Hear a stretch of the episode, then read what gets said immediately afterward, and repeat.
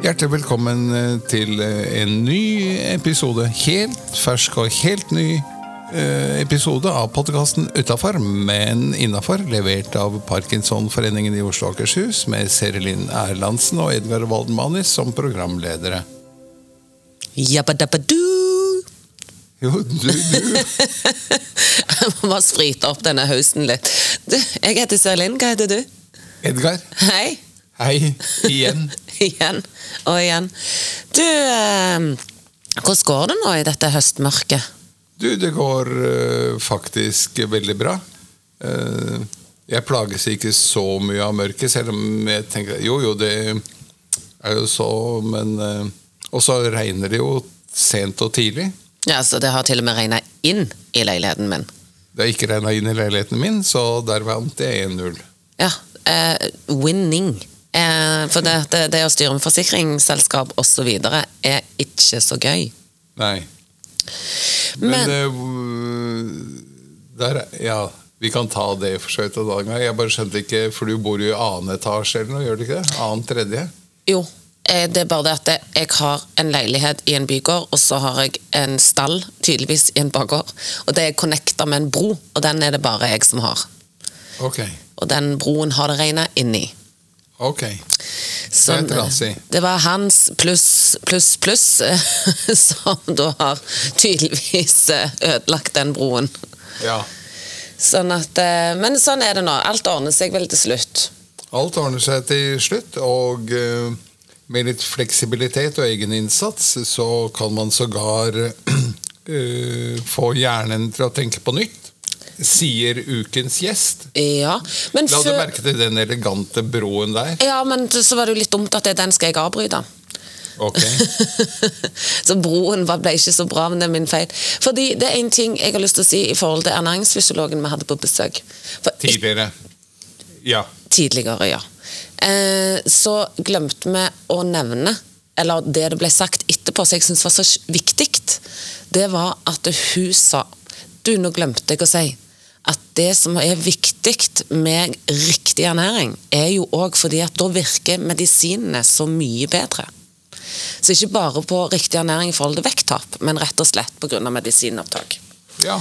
Så det tenker jeg skal inspirere nok til at eh, lytterne der ute valfarter nevrologen ned nå for å få henvisning til Ernæringsfysiologen. Yes. Yes. Eh, Så kan du bygge bro. Av, av broen over til dagens gjest.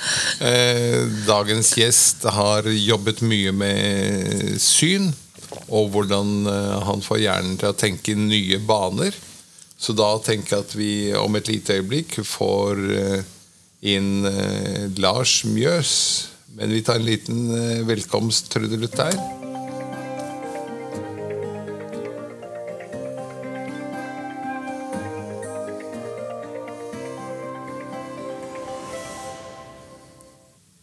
Da sier vi velkommen til deg, Lars Mjøs. Tusen takk. Velkommen, velkommen. Takk, takk.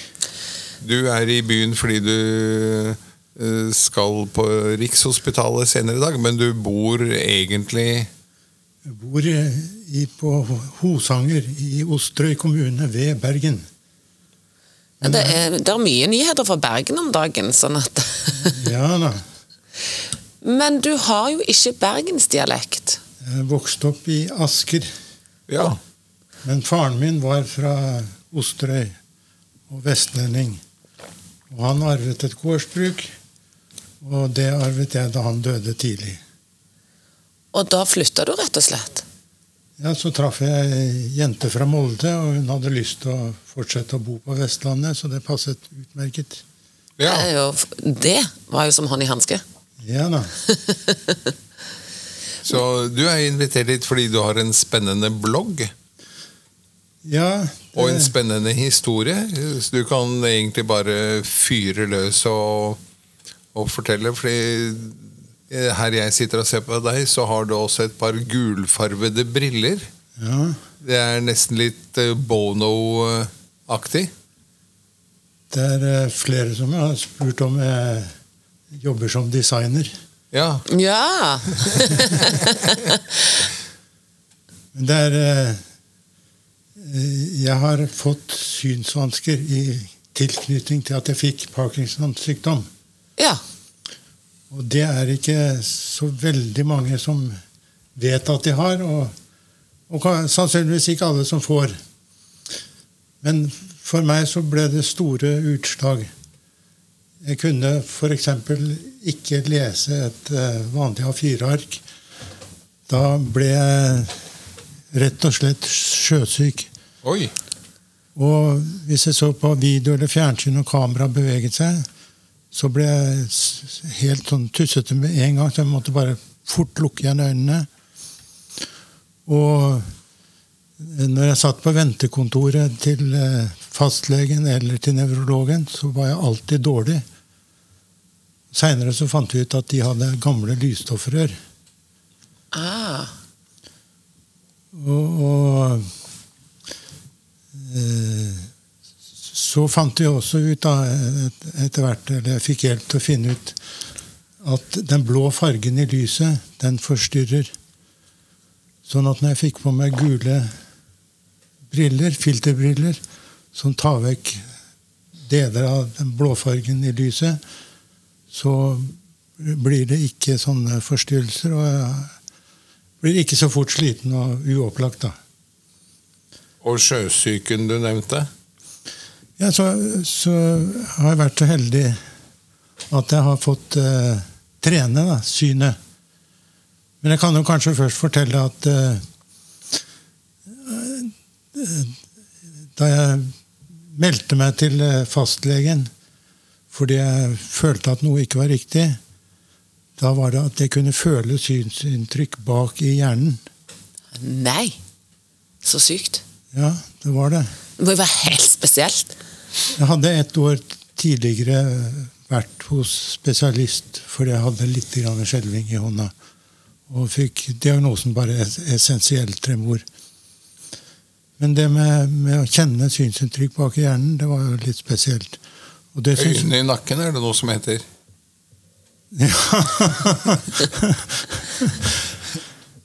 Men, men eh, fastlegen han syntes også det hørtes ganske spesielt ut. Men han tok meg på alvor og begynte å undersøke, og undersøkte ganske mye.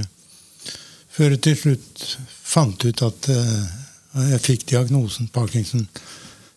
Men diagnosen Parkinson den bygger jo på fire forskjellige sånn bevegelsesforstyrrelser. Og ikke på alle mulige andre virkninger som vi med Parkinson kan ha. Så, og nevrologene hadde veldig lite kunnskap og interesse for eh, synsvansker. Men, men så var det var jo... Vi vi kan jo skyte inn der at eh, en av våre trofaste lyttere er Magne Helland på Kongsberg. ja, En tidligere foreleser eh, på optikerstudiet. Og han eh, har jo parkinson selv, og han slet også med å finne litteratur om eh, temaet i det hele tatt. Han måtte grave ganske langt og lenge etter det jeg kan huske, før han fant noe om temaet syn og parkinson. han, han fant i hvert fall ikke så mye i Norge. Nei. Men hvis du går eh, ut, utenfor Norge, så finner du atskillig mer. Ja. Og, og eh, jeg ble jo eh, sendt til eh, synsundersøkelse, eller, eller undersøkelse av synet hos eh, øyelege. Og konklusjonen var at synet var rimelig bra. Og jeg ble sendt til balanseundersøkelse. Og konklusjonen var at balansen var eh, rimelig bra. Men han overlegen med balanse han sa at du må være klar over at synet har mye å si for balansen. Og det visste jeg, for jeg har hatt krystallsyke. Mm. Men når han konkluderte, så var liksom balansen var i orden. Så ferdig med det. Men da hadde akkurat kona mi fortalt at hun hadde vært på en forelesning en gang hos noen synspedagoger. Og så spurte jeg han overlegen kanskje, kanskje det er en idé å kontakte en synspedagog. Og da svarte han jeg vet ikke hva de driver med. Så, Og da ble jeg så opptrekt ja, det skjønner jeg. at jeg dro rett hjem og googlet, og fant en artikkel i forskning.no av eh, ei som underviser i synspedagogikk på høyskolen det heter i Bergen og Høgskolen på Vestlandet. Og hun var opptatt av at eh, det var for lite kunnskap om hjerneskade og, og hjernesykdom med synsvansker til følge. Mm. Så sendte jeg henne en e-post og beskrev min situasjon. Dessverre så var hun sykemeldt, men hun svarte med en stund etter allikevel. Og svarte at jeg er sikker på at du har Parkinsons sykdom. eh, Eller eh, synsvansker pga. Parkinsons sykdom. Og så tilbe, sa jeg at jeg, jeg kan godt være forsøkskanin på kursene dine.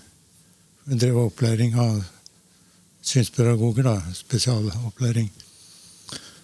Og så ble jeg invitert som eh, forsøkskanin på et kurs hvor hun ikke var, men det var fra Stavanger. Og så spurte jeg hvordan kan jeg komme i kontakt med en synspedagog. Hun var i posisjon til å kunne henvise meg. Og da ble jeg kalt inn til synspedagog. Og synspedagogen hadde med ei optiker fra Hjelpemiddelsentralen. Og hun dro opp fra kofferten noen gule briller og satte på nesa mi, og så sa hun 'se på kona di'. Ser ikke hun litt roligere og bedre ut nå? Jo. Se på den skjermen der borte. Hva syns du? Og den var også roligere å se på. Så jeg skal skaffe deg gule filterbriller. Både gåbriller og, og lesebriller. Og så skjedde. Og da fikk jeg det mye bedre. Herremann, så fantastisk. Nå bruker jeg konsekvent filterbriller. Så synspedagoger, folkens, er noe vi må Har du problemer med synet? Finn en. Det er en veldig god idé. ja. Men så kjapt. Men skjønte hun eh, For er det en egen diagnose, eller er det syn... Så, så spurte jeg hun, hun optikeren da, om du hadde noe skriftlig rundt dette. her. sånn. Nei, det har ikke, men dette er noe jeg vet, sa hun. Så jeg fikk ikke noe mer. Men hun, hun visste altså i noen tilfeller da, Ja. så hjelper det veldig godt med filter, filterbriller. Men, men så var jeg opptatt av å finne ut mer om altså hvorfor kan jeg ikke lese et vanlig A4-ark uten å bli sjøsyk. Men det klarer du med filterbrillene? Nei, det virker ikke inn med filterbrillene, men det har jeg klart ved hjelp av trening. Ok. Det skal du komme til nå. Jeg bare avbrøt. Ja. ja. Ja, du ligger to skritt foran, Selin. Jeg, jeg sitter her bare helt fascinert jeg, og, og lytter og lytter. Og Det er et viktig poeng, det. Men det, så spurte jeg min synspedagog da, om det gikk an å finne ut mer om disse lesevanskene. Og Da foreslo hun at jeg skulle bytte synspedagog, og det fikk jeg. og Han utførte noen tester, hadde bl.a. briller med videokamera på, kunne følge, følge øyebevegelser. Og så konkluderte han med at, at jeg trengte synstrening. Men, og I Bergen så var det noen som kunne gjøre det, men for meg så var det en belastning å komme til Bergen. For det var slitsomt å kjøre, og tok veldig lang tid hvis jeg skulle ta buss. Og, Så ringte han en ettermiddag og fortalte at nå hadde han fått til et opplegg på Osterøy. Oi. På Osterøy voksenopplæring, som det het da. Så bra! For det er ikke verdens største plass, det. Nei, det er ikke verdens navle, for å si det de sånn. hadde- De hadde ikke noen synspedagog der, men de hadde en lærer som var veldig kvikk og, og i stand til å ta imot veiledning fra synspedagogen, som laget et treningsopplegg, og så satte vi i gang. Da fikk jeg en eh, skoletime hver 14. dag. Og da trente vi først vesentlig med øyebevegelser på forskjellige måter. Trille en ball fram og tilbake på bordet. Eh, en ball som henger i en snor i taket og svinger. Og, og etter hvert så fant vi ut at det var lurt å trene flere ting samtidig. Altså vi trente balansen. Vi trente samsyn. med en blyant og så bort på et merke på veggen. Og, og etter hvert så fant vi ut at det var lurt å bruke flere sanser og la hjernen jobbe på flere måter samtidig. Så vi fikk lov til å bruke gymsalen og lage et treningsopplegg med ball og med springing, og hvor hun stilte spørsmål. Og, og jeg gjorde flere ting samtidig. Sånn apropos hun Mona fortalte om i en tidligere podkast, at, at, du må gjøre flere ting samtidig. Mm. Så jeg sprang rundt og spratt med ball, og hun spurte meg i gangetabellen, eller Ja. Ja, Det er en Altså- variant av det Mona Ronglingen Elgvinja hadde i en eh, tidligere episode hvor hun lærte seg tallet pi med 100 desimaler og, og mer. Så langt gikk ikke vi, men vi gikk i hvert fall så langt at vi gjorde flere ting samtidig. Og, og så fant jeg en del øvelser på internett, særlig på noen danske sider, og tok opp med synspedagogen, og han sa det var flotte greier, og utvida programmet. Og Hva øvelser var det, da? eh, eh, ja, det, det var å gjøre flere ting Ja. samtidig. da. Mm. Men det vi ikke hadde tatt inn, det var noe som i- interesserer deg. Det var bruk av stemmen. Ja. For så langt så hadde læreren min talt når vi kasta ball. Én, to, tok vi ti, da. Da gikk vi over til at jeg skulle eh, snakke. Og bruke stemmen mens vi trente synet. Mm. Og jeg kom i kontakt med en som driver synstrening for tyske fotballag og for håndballag. For du kan trene opp øyet til å reagere uten at eh, bevisstheten i hjernen brukes for å gjøre den rette handlingen. Altså at det skjer så fort. Mm. Og nylig fikk jeg bevist at det skjer. Jeg kjørte bil, og så var det sjåførens mareritt. Bilen i motsatt retning kom over i mitt felt. Oi. Og da jeg vet ikke hva jeg gjorde, men jeg svingte til side og tråkka på bremsen. Og så våkna den som kom imot, altså det gikk bra. Men, men det, å, det å trene opp øyet til å kunne reagere raskt, Mm. det går det altså an å holde kurs for fotballspillere i. Ah. Men det er nyttig for meg òg. Det, det, kan bli, det kan bli en jobb, rett og slett. Ja, ja. Han som jeg snakket med, eh, han driver og trener, en danske som driver og trener tyske fotballag med synstrening. Grunnen til at han gjør det, er at eh, kona hans fikk noe lignende til Parkinson og fikk synsvansker. Og, og han begynte å interessere seg for dette, og nå har han gjort det til en jobb. Kult. Ja. Kanskje det er det jeg skal bli når jeg blir gammel. Ja. ja. Ah, sånn syns jeg er så gøy. Og så, og så, men nå har vi ikke snakket om, så mye om hvorfor denne treningen hjelper. Nei, men det hører vi om nå. Ja, Jeg, jeg regnet med du kom dit. ja. Jeg sitter som sagt bare og lytter. Det er helt Og det eh, er sannsynligvis samme måten som logopeden bruker. Stemmen. Eller trene opp stemmen. Ja, altså at hjernen finner nye veier. Ja. For jeg tror altså med dopaminmangel så er det noen veier som blir dårlige. Men ved trening så kan du trene opp helt nye veier. Mm. Og det er det som, jeg er overbevist om at det er det som har skjedd med meg og synet. Jeg har fått holde på i, i seks år og opplevde stadig forbedringer. Og, og nå er det vel et år siden jeg ikke fikk mer, men det var i orden, for nå er jeg blitt så bra. Og det som viser seg Nå trener jeg ikke spesielt synet, jeg bruker synet mye og er aktiv. og sånn.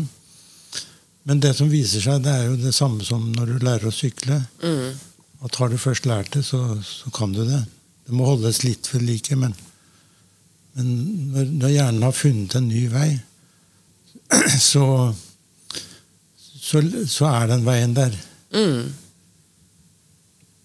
tar Men- ofte 21 dager må du gjøre det sammenhengende for at hjernen skal finne den nye jernbanen. Ja. Mm. Ja. Så blir det som en rutine som å pusse tennene. Men da, så det en sier, er at du må gjøre det 21 dager etter hverandre. Og hvis du ikke gjør det etter hverandre, så tar det jo lengre tid, selvfølgelig. Men det er sånn cirka det. ja. Nei, og, og jeg har jo gått til trening hver 14. dag, men jeg har jo drevet hjemmeøvelser. Så har jeg jo, har jeg fått si, påfyll hver dag, da. Veldig bra.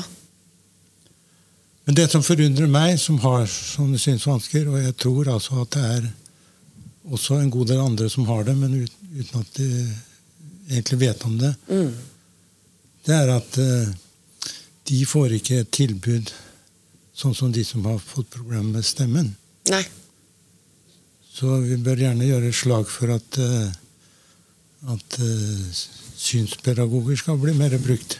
Ja, jeg tenker jo at vi, sånn sett så burde en jo fått synspedagoger òg med inn i Parkinson Nett. Det begynner å bli trangt om plassen der inne nå. Ja, ja, ja, men altså, vi har der det er hjerterom, er det husrom. Altså, Det skal vi få til.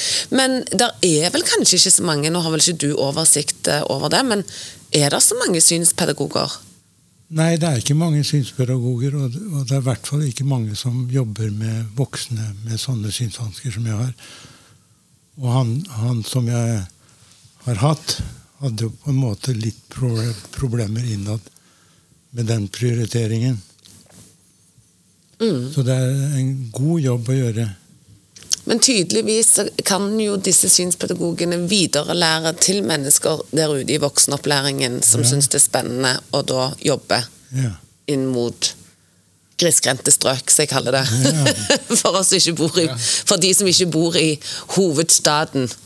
Jeg tror dette er et, um, et problem de fleste steder. Altså under eh, kapasiteten på synspedagoger og, og bare for å begynne med, med kunnskapen om at dette faktisk finnes som et fagfelt, og at det kan hjelpe på bl.a. parkinson. Det, Men vil dette det tror jeg er underkommunisert som bare det. ja. Men vil dette nå si at nå kan du lese et A4-ark eller se på Ja. TV uten å bli sjøsyk? Jeg har til og med gitt ut bok. Ei, ei, hva har du gitt ut bok i? 'Soga til Hosanger Dampbåtbrygga'. Og det betyr Hvis Det er jo et kjempe Kan du oversette? I 1902 så bygde de en, en dampbåtbrygge i Hosanger, ved Mjøsvågen, der jeg bor. ah, Og det var bygd av et lutlag, eller et slags aksjelag. Og med lokale penger. Og da fikk de dampbåten til å komme inn. Og så ble denne utvida flere ganger. Og sånn, og for vel 30 år siden så kom jeg inn i styret. Og ble styreleder. Og hadde ansvar for denne brygga. Det kom jo ikke lenger dampbåt, men det kom av og til en båt med grus eller asfalt. eller noe. Så jeg tok inn penger. Men jeg lurte på hvordan jeg skulle håndtere dette her. For de som kjøpte aksjer eller luter i 1902, de var jo ikke i live lenger. Og arvingene visste ikke alltid at de eide aksjer. Men eh, behøver ikke ta hele den historien. da kan de lese boken. Da kan de lese boka. Men jeg ble sittende på så mye stoff både om, om selve lutlag og, og brygga, og om livet rundt, at jeg laga en bok på 64 sider med mye bilder. Og. Så nå kan jeg lese vanlig A4-ark. Jeg kan lese på, på skjermen. Jeg må riktignok ha en spesiell skjerm. Det er ikke alle skjermer, dataskjermer, og ikke alle TV-skjermer som jeg tåler å se på. Men det er i hvert fall noen. Så, så nå arbeider jeg mye med synet. Og jeg, og jeg har interesse av eh, fotografering. Og har fått meg en A2-skriver og laget i sommer en, sammen med Oi. en kamerat en utendørs utstilling med foto fra Mjøsdalen, der vi bor da. Du, Dette er jo helt fantastisk. det er jo helt fantastisk. Ja, det er Sp- Spørsmål innimellom. Du sier det er noen få skjermer som kan brukes. Hva med mobilen, som vi alle går med i lommen og har oppe? De, de skjermene virker bra. Akkurat. Hva er forskjellen på en sånn en skjerm og en dataskjerm, da? Altså sånn For meg som ikke kan det. Nei, den som hadde visst det. Men, men, men For for meg ser det likt jeg, ut. Jeg merker det. Ja, du merker En det. vanlig dataskjerm går ikke, men, så kom det eh, eh, OLED-TV, som er en, en, en annen teknologi enn den vanlige. Og så håpet jeg at jeg kunne bruke det, men det, de tåler ikke at bildet står i ro. Men så ble det utvikla QLED. Og der tåler det at bildet står i ro. Og plutselig så kom det en De kosta 30 000-40 000 kroner, sånn dataskjermer med kulen. Oi. Men så plutselig kom det en gamingskjerm til en 4000-5000. Og den kjøpte jeg, og den funker. Ja. At jeg har en, eh, en liten brett-PC med en god skjerm, og så kan jeg bruke den større gamingskjermen. Da. da funker det. Men Så dette har du liksom på en måte dypdykka i og funnet ut sjøl, da? ja, dette har jeg funnet ut Ja. selv. Så du er liksom din egen Du, du er en liten forsker på eget syn? Ja, jeg har lagt ned betydelig Ja. innsats for å finne ut av dette. Det er jo helt fantastisk. Og syn er jo altså Vi tror av og til kanskje jeg, Når vi snakker så mye om syn, så kan vi fortelle en, en digresjon, da. Men jeg hadde en parkinsonist, men han amputerte armen. Og hadde så mye fantomsmerter. Og vet du hva som gjorde når, hvis han skulle få pause fra de smertene? Da la, la han den Han hadde det i venstre hånd, så han la høyre friske hånden foran et speil. Og så satt han og så på speilet, og da tro, lurte du hjernen til å tro at han hadde to armer, og da forsvant smerten. Fantastisk. Er ikke det utrolig? Og det er jo helt sprøtt, men det bare minnet meg om hvor, mye mer enn altså, Vi tenker bare på kanskje at syn bare er å se, men at det har veldig mye mer å bety for hjernen enn det. Og, og det som jeg opplever, og som sist jeg var hos nevrolog, nevrologen også var opptatt av, det er at når du er i aktivitet med noe, både hjernen og gjerne fysisk, og som du er veldig oppslukt av, så forsvinner Parkinson-symptomene.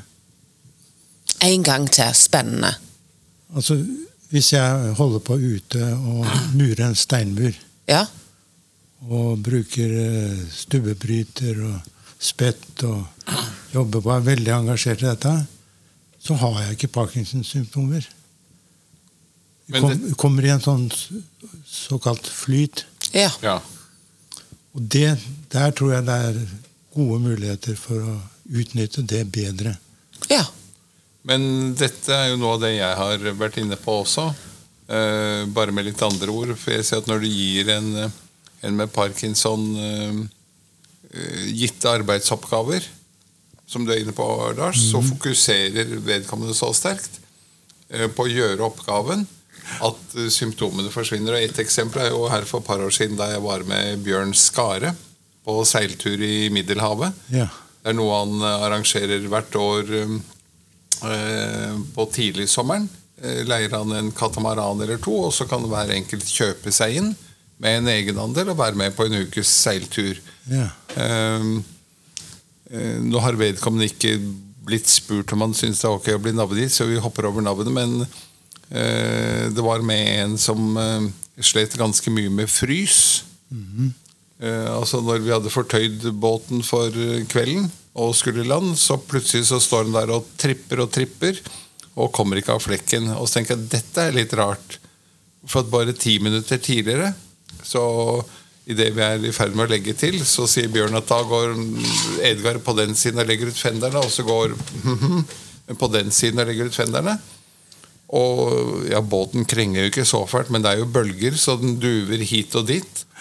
Og vår venn løper hit og dit uten problem i det hele tatt. Legger ut fender og knytter eh, helt korrekte knuter på, på snorene og, og greier.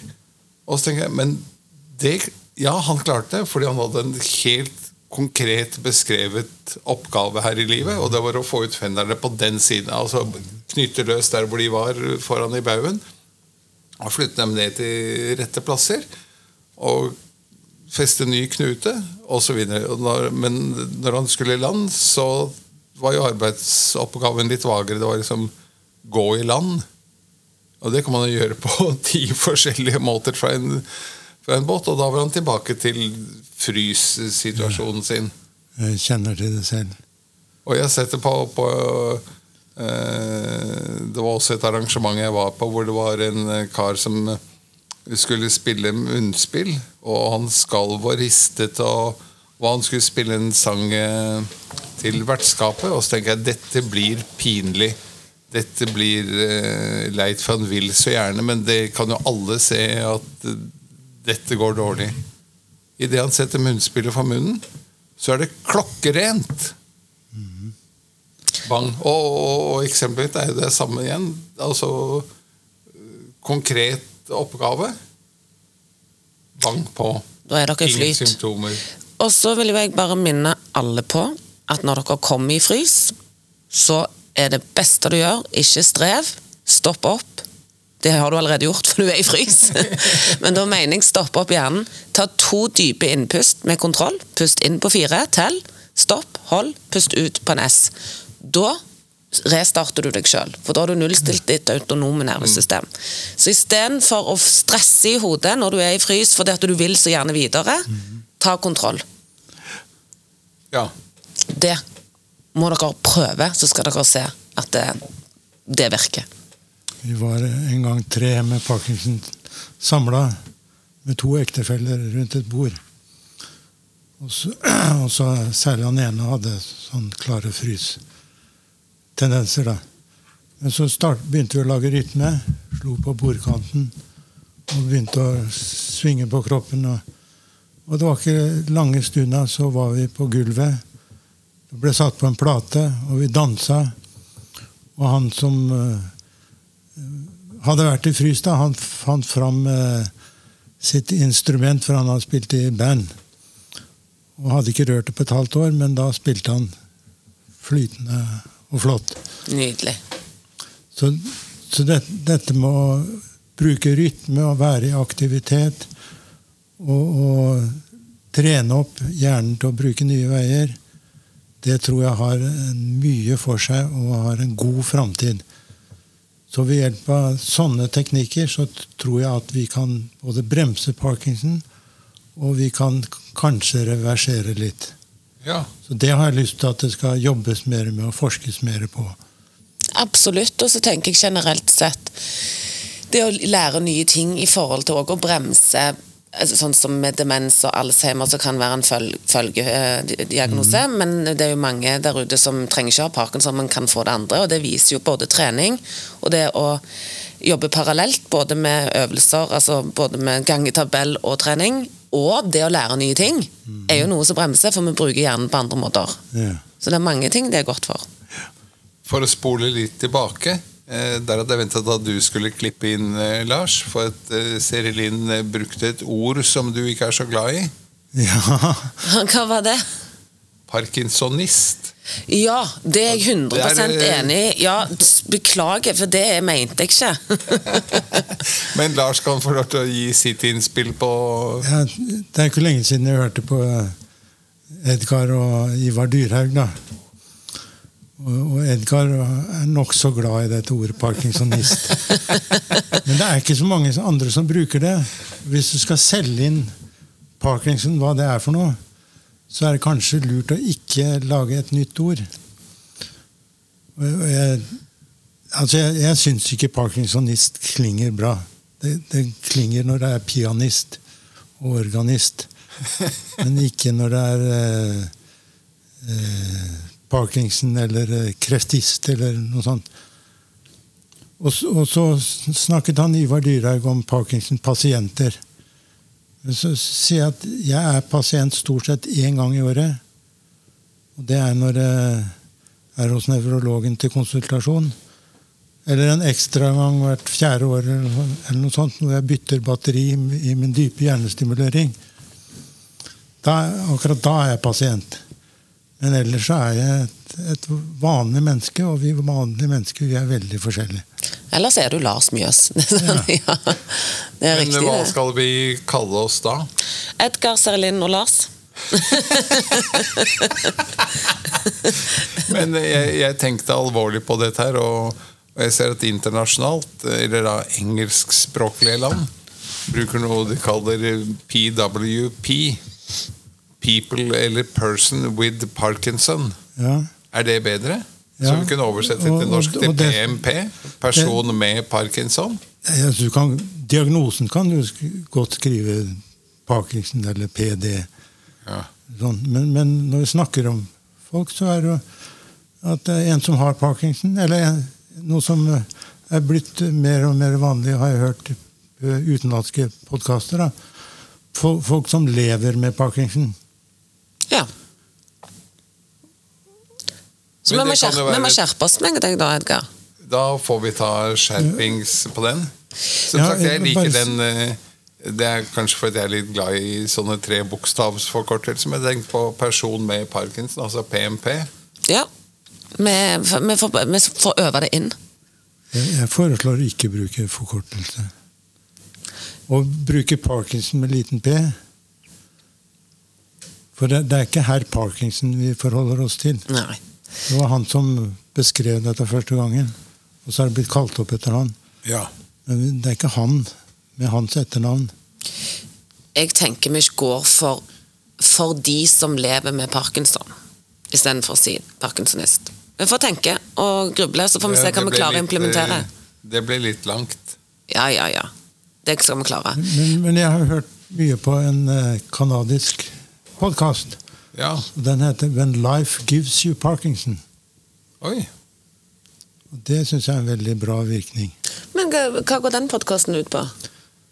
Det er litt sånn som dere. De har gjester, og de kommer med faglige innslag og input. og sånn. Og, og det er vel et ordspill der på, den, eh, på det ordtaket som eh, på engelsk der lyder at eh, When life gives you lemons, make lemonade. Yes. Ja, Det kan godt hende at det stammer derfra. At man sier at when life gives you Parkinson. Da må du høre på podkasten. Den må jeg rett og slett finne og, og, og lytte Og hva var det podkasten het? Den heter 'When Life Gives You Parkinson'. Da får vi høre på den. Vi må nesten Det er, det, det eh, er en som har parkinson, som eh, lager programmet. Ja. Og så har han som regel med seg kona si. Men av og til andre medprogramledere. Ja, men Det høres ut som oss, bare at du har bytta ut kona med meg. sånn at det vil Og, utover det og noen uker er det jo sant! Ikke sant? Men, men uh, Fordi jeg bruker mer tid på podkastene. Ja. Nei, jeg tror vi skal ikke gå videre ned.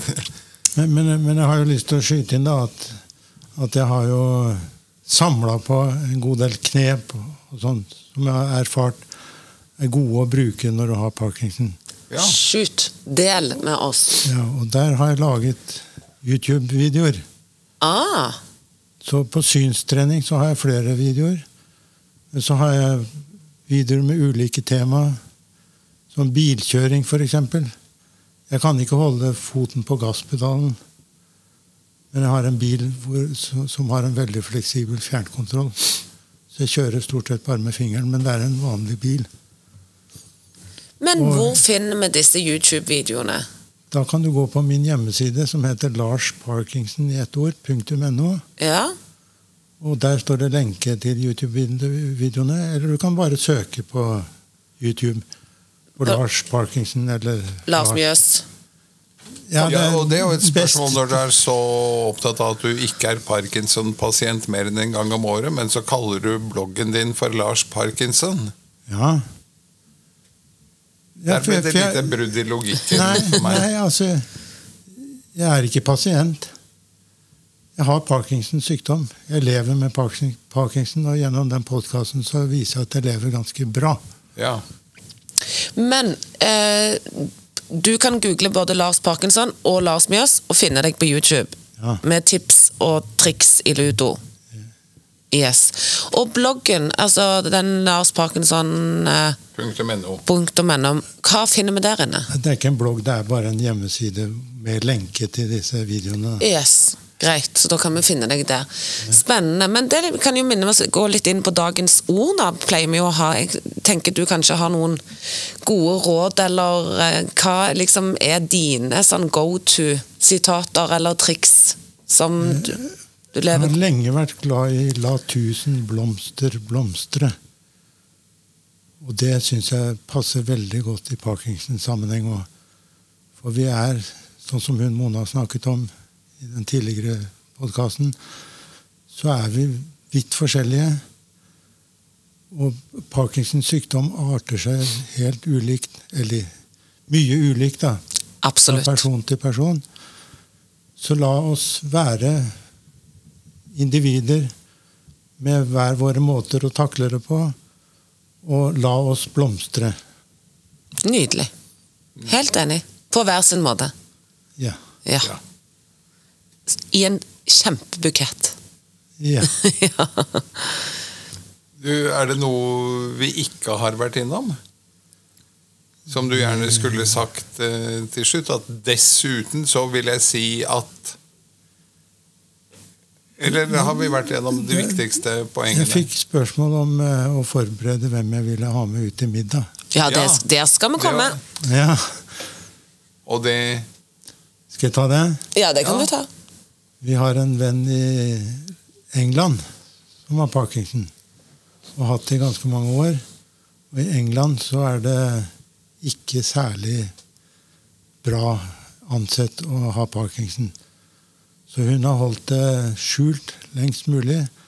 Har vært brukt fysisk trening, ballett og aktivitet og diett. Sånn apropos Ernæring. ernæring. Og holdt dette i sjakk veldig lenge. Men til, til slutt så måtte hun begynne å ty til medisin. Og da var det korona og veldig problemer i det engelske helsestellet. Så det var vanskelig å få prøvd ut i det hele tatt. Og så viser det seg at hun tåler ikke noen av Parkinson-medisinene. Men hun har veldig mye skjelving. Og jeg har vært motivator for at hun skal ta dyp hjernestimulering. Ja. Og det har hun søkt om. Og venta lenge på å få bli behandla. Men nå har hun nylig vært oppe i en komité, bredt anlagt komité, og som har funnet ut at hun bør få. Men det er kanskje et års ventetid enda. Oi! Åh, men kan være glad jeg har Norge. veldig lyst til å spise middag med henne når hun har fått inoperert dyp hjernestimulering. Ja. Og at det skal skje, skje snart. Og at det skal skje i Norge, så at hun kommer seg litt vekk. Og hvor i Norge skal du invitere henne på middag? Da kan det jo passe å ta et fint spisested i Bergen. ja. Og hva er et fint spisested i Bergen for oss eh, som ikke er der så ofte? det, det har jeg ikke så veldig greie på. det skal vi finne ut av. Det skal du klare. Jeg regner med at dere har nok av gode fiskerestauranter, i hvert fall. Det er det. Ja. Så nede på brygga der tenker jeg dere kan få det fint. Da er det bare én liten ting som gjenstår, og det er rett og slett ukens kransekakevits. Ikke sant? Eh, er du klar? Jeg er klar. Line, hva skjedde i Jerusalem i påsken? Vet ikke. Jeg var på fjellet med mor og far.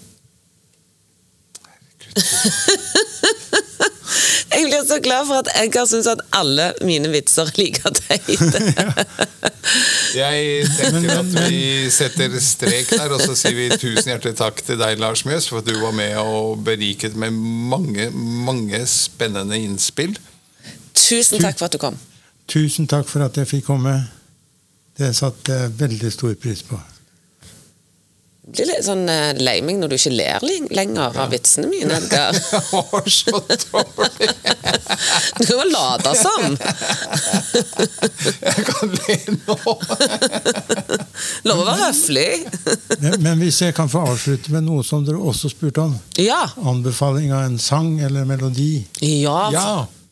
så er jeg blitt betatt av Sara Kamil, som synger Tittelen heter 'Videre'. Men det, første strofen er 'Har du noen gang kjørt rundt i Ring Ring 3'? Og den passer veldig godt i, Parkinson-sammenheng. For eh, du vet ikke helt hvor du skal, og hvor, hvordan du kommer dit, og hvilken vei du skal ta. Det handler den sangen om. Og ikke bare det, men vi sitter faktisk midt i Ring 3. Ja. Det var det jeg tenkte på. Så det er en nydelig melodi, en nydelig framførelse, og hun synger tydelig, sånn at jeg klarer å oppfatte teksten. Og det er et enkelt, men veldig virkningsfullt eh, akkompagnement. Da går vi Det var ukens tips til, eh, hvordan, eh, til en låt du kan finne frem på din strømmetjeneste. Din foretrukne strømmetjeneste, Sara Kamil.